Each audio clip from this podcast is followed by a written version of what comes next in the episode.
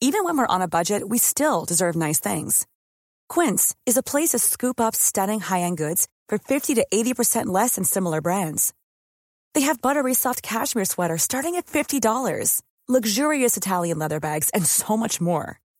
Plus, Quince only works with factories that use safe, ethical, and responsible manufacturing. Get the high-end goods you'll love without the high price tag with Quince. Go to quince.com slash style for free shipping and 365-day returns. Flexibility is great. That's why there's yoga. Flexibility for your insurance coverage is great too. That's why there's United Healthcare Insurance Plans. Underwritten by Golden Rule Insurance Company, United Healthcare Insurance Plans offer flexible, budget friendly coverage for medical, vision, dental, and more. One of these plans may be right for you if you're, say, between jobs, coming off your parents' plan, turning a side hustle into a full hustle, or even missed open enrollment. Want more flexibility? Find out more about United Healthcare Insurance Plans at uh1.com.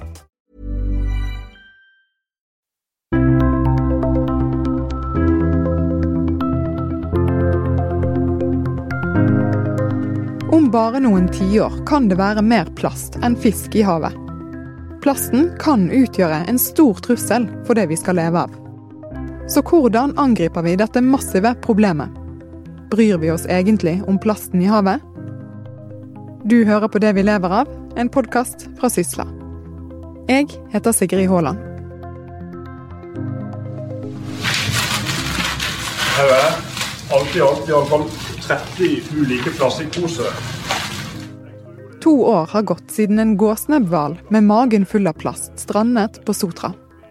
Her hører du zoolog ved Universitetet i Bergen, Terje Lislevann. I magen på hvalen så, så var magen helt sprengt nærmest av plast. Det var, det var tydelig at det var ikke, var ikke veldig mye ekstra plass i den. altså. Et enormt engasjement fulgte, og det ble sagt at plasthvalen vekket verden. I høst sto statsminister Erna Solberg på scenen under Sysla Live og snakket om nettopp dette. Eh, alt dette påvirker eh, altså, havøkonomien mye mer, og det har skjedd ganske raskt. Altså, Indonesia sier det påvirker nå deres turisme. For når folk skal surfe eller annet, så havner de, kommer de opp av vannet med, med plast rundt, rundt, seg. Sammenhengen i hele økosystemet, det er det viktig å få de rikeste landene i verden med på å tenke på og uh, ha strategier for. Så hva gjør vi for å takle plastproblemet? Med meg nå er to som skal snakke om dette. Marte Hove, seniorforsker på plast og mikroplast i miljøet ved Nords Miljø, og analytiker ved Avdeling for bærekraftig finans i Nordea Bank, Tina Saltvedt. Velkommen. Takk for det. Tusen takk. Marte, du har tatt med noe ganske uappetittlig i mm. studio. Hva, hva, i all verden er denne suppen jeg sitter og, og holder på nå? Det er en liten øse av overflaten av et lite vann på en ubebodd øy nord i Øygarden. Som, eh, der plasten blåser til lands, samler seg opp i tjernet og ligger der og modnes og bryter ned til masse små plastbiter. Eh, og eh, dette er det resultatet etter i hvert fall ti år, 10, kanskje 20 år uten rydding. Og der vi har fått laget mikroplast, så ligger der og flyter som et lag oppå vannet. Mm. Kan du forklare litt hvor omfattende plastproblemet i havet faktisk er? Eh, det er veldig omfattende. De finner plast på, i alle verdens hav, alle verdens hjørner. I isen i Arktis, på de største dyphav, eh, i Antarktis. Eh, der er nå ikke noe sted man har undersøkt hvor man ikke finner plast. Det aller meste synker ned. Mye, veldig mye, og veldig store, stort antall partikler flyter i overflaten og mye driver til lands og oppkonsentreres langs eh, kysten. Globalt gjennomsnitt er ett tonn plastforsøpling per kilometer kystlinje, mens i eh, Norge så har vi faktisk syv til åtte tonn per kilometer kystlinje. Eh, vi vet at havstrømmer frakter plast fra land og ut i havet. Samler det i sånne store strømvirvler som kalles for gyrer, og frakter de mellom disse gyrene. I Norge så mottar vi plast som kommer opp langs eh, fra, fra med Golfstrømmen. Eh, og er, er, den er også en sving nedom Nordsjøbassenget før den fortsetter opp langs norskekysten. Eh, og det er vist, og vi vet at veldig mye settes igjen langs norskekysten før vannet når Arktis. Hvem er det som på en måte da er de store plastsynderne, hvis man kan si det sånn? Eh, generelt sett så er 80% av plasten den kommer fra land, så vi er alle bidragsytere. Eh, når det gjelder eh, enkelte regioner, så er vel Sørøst-Asia kjent for å være et eh, høyutslippsområde. Både fordi de har dårlige avfallssystemer, men sannsynligvis også fordi at Vesten eksporterer mye plastavfallet sitt til Asia for, for resirkulering. Og så har vi en stor del fra langs norskekysten i hvert fall, som stammer helt klart fra fiskeri og båttrafikk. Tina, du jobber jo med dette her. Hvordan opplever dere at eh, bevisstheten er i næringslivet eller hos kunder? Altså, Bryr de seg om plastproblematikken? Ja, vi har sett en økende interesse og forståelse av eh, plastproblemet. Nå er det vel ingen som forstår det helt, men jeg tror veldig mye eh, skyldes eh, denne hvalen som ble skylt i land på, på, vestkysten av Norge for et par år siden, med alle disse plastposene eh, som, som, da viste seg å være i, i, magen på den. Det ga nordmenn lite, en liten øyeåpner, for å si det mildt. Eh, og jeg tror de har skremt veldig mange, for vi så jo at den plasten som var i magen på denne hvalen, det er ikke noe vi kan skylde på land som ligger langt unna Norge. Det var også søppel som, som fint kan relateres til oss selv. Og det tror jeg at vi, vi, fikk en forståelse for at det forbruket vi har i dag, eh, det begynner nå å gå utover, eh, å gå utover miljøet, men også at det begynner å påvirke hvordan, leve, altså hvordan de neste generasjoner skal leve her i Norge. Så jeg tror at det var et skremselsskudd som vi hadde, som vi hadde godt av. Og, og det vi ser er jo at f.eks. nå begynner man å bli mye mer bevisst på eh, Har man plastkopper eller sånn engangsplast, bruker man det i bedriften? Eh, hvordan type plast bruker man i sin helhet hvis man trenger plast? Så det begynner å bli en bevissthet rundt det, og vi ser at selskapet begynner å agere på det, men det er jo selvfølgelig langt igjen. Du, du, er litt inne på det med tiltak mot plast i havene nå. For det kom, eh, det kom nylig en EU-nyhet og den var veldig spennende. Det kom jo eh, nå i desember eh, i 2018 så, så kom det en nyhet om at EU skal forby engangsplast. I hvert fall en, og det er bl.a. engangsplast som sugerør, bestikk, eh, noen typer beholdere, tallerkener. Litt sånn unødvendig plast, man kan kalle det det, som man har gode alternativer som, som man ikke bør benytte plast. Og Det er jo en veldig viktig start tenker jeg, for å begynne å buktes med dette plastproblemet. For Det som er viktig, er jo at vi som forbrukere eller bedrifter begynner å etterspørre alternativer, slik at det faktisk begynner å produseres alternativer som man kan bruke istedenfor plast. For da, for da, på en måte får man erstatte litt av den forsøplingskilden som bidrar til disse enorme eh, plasthaugene som ligger eh, både på land, men også selvfølgelig i havet. Jeg er veldig enig. Altså, Påtrykket for endring må komme både fra produsenter og fra forbrukere. Og ved at det legges restriksjoner, så blir det nødvendig å komme opp med alternativer, og da får vi forbrukere også en mulighet til å gjøre valg og gjøre bevisste valg. Og venne oss til eh, en annerledes form for eh, livsstil. Og det, jeg sitter og tenker på at det er ikke mer enn eh, siden 60-tallet at dette med throwaway living ble introdusert. Og sett på som en, en fantastisk nyhet at man kan bare, kunne bare bruke og så kaste istedenfor å vaske. Og da ble jo det sett på som veldig moderne og praktisk, men uten å selvfølgelig tenke på avfallsmengdene. Og nå har vi da sett at det var ikke en sånn veldig god løsning likevel. Um, og kommer tilbake til uh, litt mer eh, omtenksom bruk av gjenstander, kanskje. Eh, vi var litt inne på dette med tiltak nå, vi, Tina nevnte EU. Men, men, eh, hvordan opplever du at næringslivet forholder seg til dette? Eh, mitt inntrykk er at næringslivet ønsker nå, gjennom de siste årenes fokus på dette, å, å sette i gang tiltak. Og de ønsker å ha alternativer. Og en del bedrifter etterspør selv retningslinjer for å stille leverandørkrav. Det er blitt gjort f.eks. med tanke på, på klimaavtrykk. Eh, og nå er det da noen som ønsker å følge samme modellen for å se på avtrykk av plast. For å kunne ja, stimulere til alternative materialer og, gode løsninger som man da har gått gjennom og vurdert. Så jeg tror viljen er veldig stor, og så må vi prøve å stimulere de som ønsker å begynne å gjøre noe. Eh, og det må, påtrykket må komme fra, både ovenfra og, og nedenfra.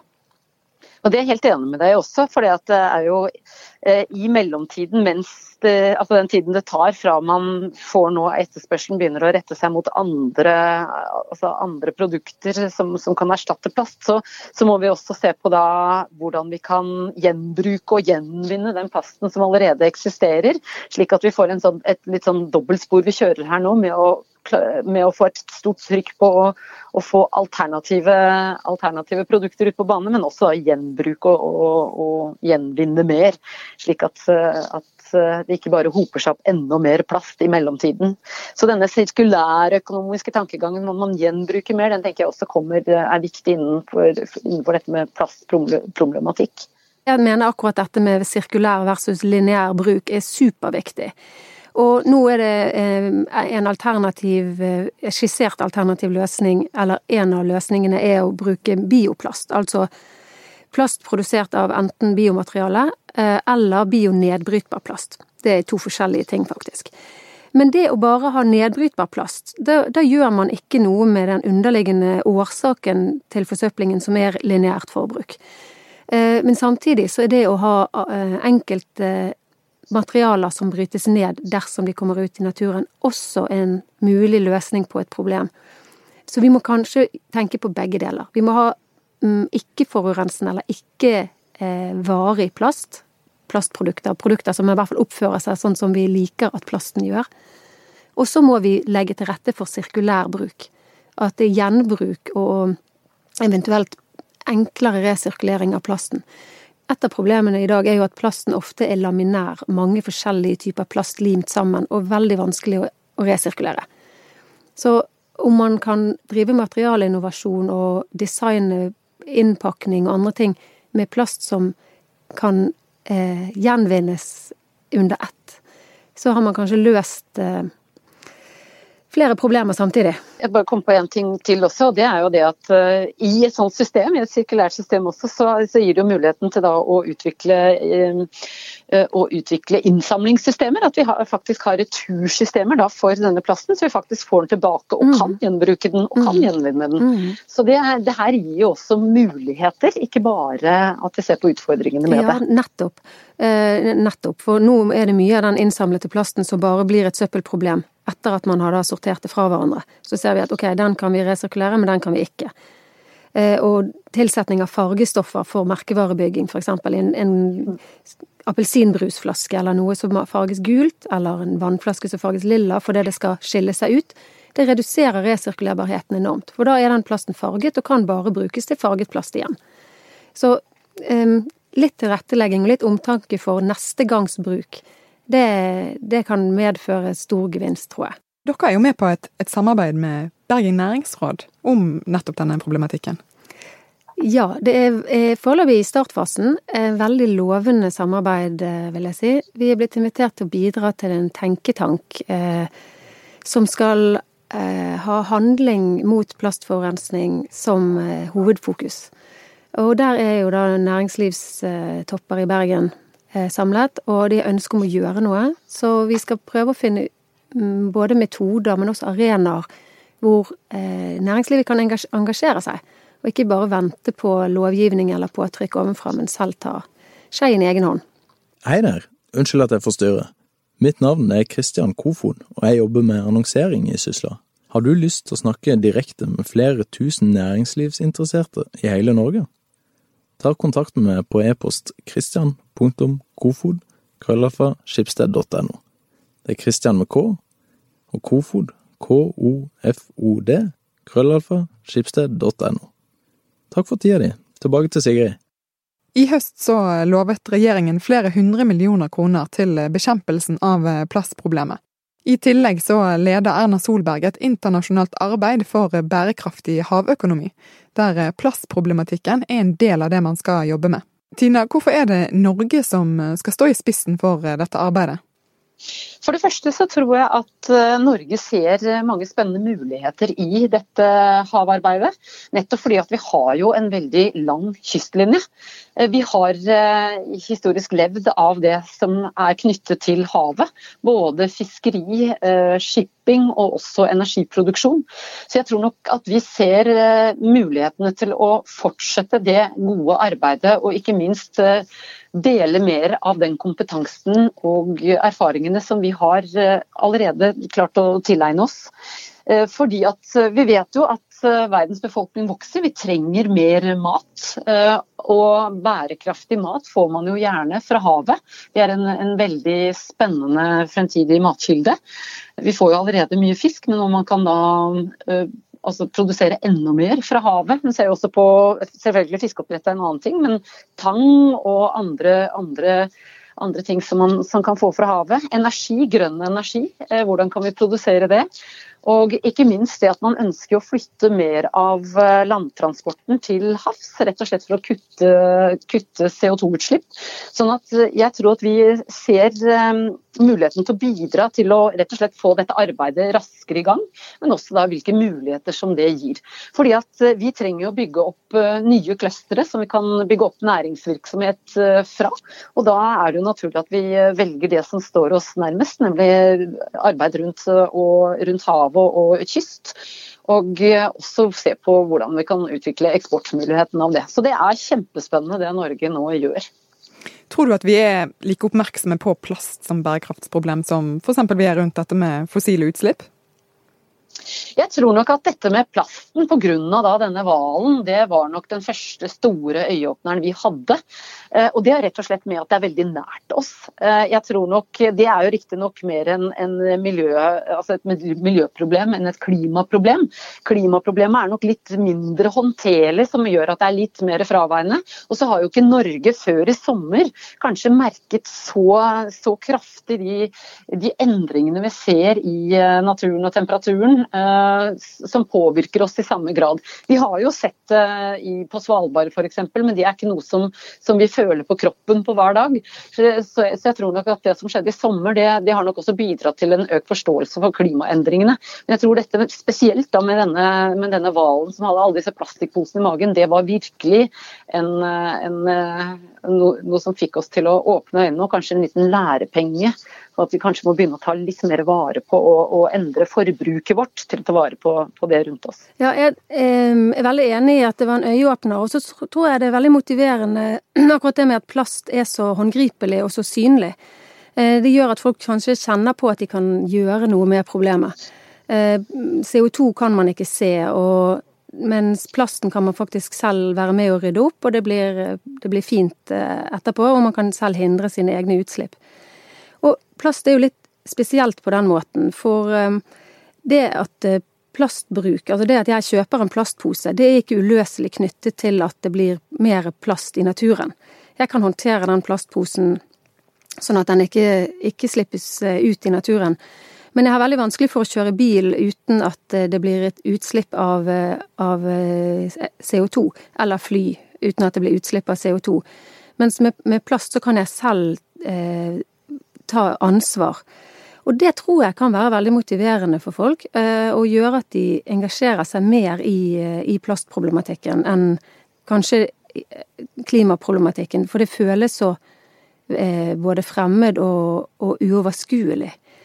Og der er gjort sånne her studier på, på tvers av landet, sånn såkalte medborgerpanel som er spurt. Og der nå er det 45% som uoppfordret nevner plast som et, eh, et, miljøproblem. Og det er 25% nå som engasjerer seg og deltar i, i plastrydding. Så dette har virkelig, eh, virkelig slått an, og man er blitt bevisst problemet på en annen måte enn bare for få år siden. Og det er helt enig med deg, for jeg har også selv vært med på sånn plastrydding på stranda. Og det er jo et eller annet med at du faktisk ser at stranda blir litt grann renere. Mm. Eh, med at du faktisk fjerner den plasten, og det gjør at du, du, får den, kanskje en litt sånn mestringsfølelse, eller at du føler at du bidrar med noe positivt mm. her, og, her, og, nå. Eh, så det har nok også gjort at man klarer å engasjere seg kanskje mer i det ja. i første omgang nå. Ja, Er det ikke rart at man blir så engasjert og så positiv av å rydde opp etter andres eh, boss? Jeg syns det er veldig fascinerende. ja. Til og med barn syns jeg at det der er kjipt. De blir veldig engasjert, og kanskje det trigger noe i sankergenet i oss, at vi, mm. vi, blir helt vi blir bitt av basillen. Samtidig så ser vi at det at de, folk deltar i rydding, de gjør noe at de endrer synet på sitt eget forbruk. Og de ser da, når de rydder, så ser de kildene. Og spesielt hvis de gjør mer enn bare å rydde, men også studerer det litt og hvis skolene gjør litt forskningsprosjekter på det, så blir ungdommene utrolig bevisste. Hva er kildene, hvordan kan vi avhjelpe dette? Og da får man ringvirkninger som går langt utover det å bare rydde den stranden.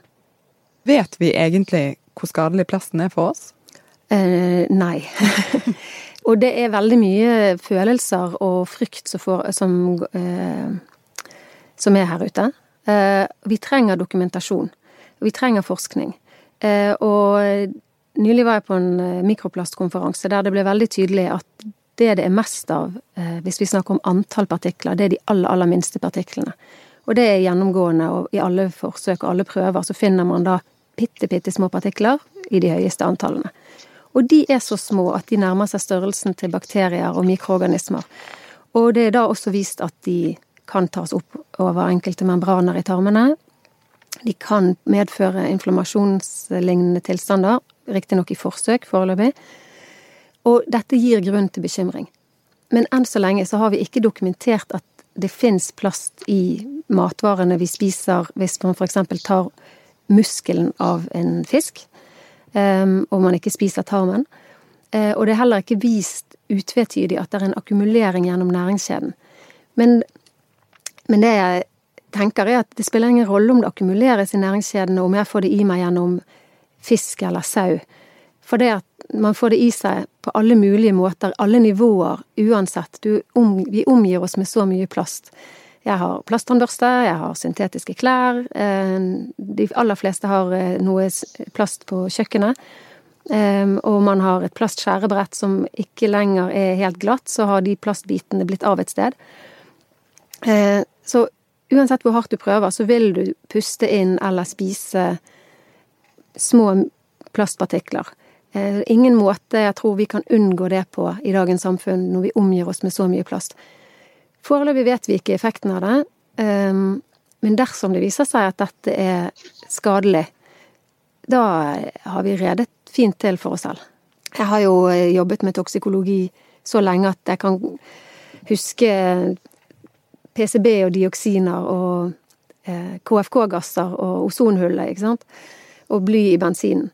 Og disse eh, usynlige miljøgiftene, eh, de klarte vi å fase ut. Vi klarte å samle inn produkter med det. Vi har klart å eh, håndtere det sånn at nivåene er dalende på verdensbasis. Og jeg tror hvis vi håndterer plast på samme måte som en, en miljøgift, og kanskje definerer det som en miljøgift og bruker det regelverket som fins, så kan man få bukt med problemet før det blir for stort. Eh, og så får vi heller si da i ettertid ok, det var ikke så giftig som vi trodde. Men vi kan ikke fortsette å slippe ut eh, til vi når de konsentrasjonene som man ser i labforsøkene. For, for da vil det ha effekter. Eh, og, men jeg har, jeg har tro på at vi kommer i gang og tar tak i det på en skikkelig måte. Så kan vi stanse det på samme måte som vi har gjort med dioksiner og KFK-gasser. Tusen takk for at dere var med, Marte og Tina. Takk for nå. Takk. Takk for at du hørte på denne episoden av Det vi lever av. Og en ekstra stor takk til deg som er fast lytter. Vi tar nå en liten juleferie, men er tilbake i januar. I mellomtiden må du gjerne sende innspill til hva vi bør diskutere i denne podkasten til neste år, til podkast.sysla.no. Podkast med K, altså. Produsent for Det vi lever av er Henrik Svanevik. Jeg heter Sigrid Haaland, og vi ønsker deg en god jul og et godt nyttår.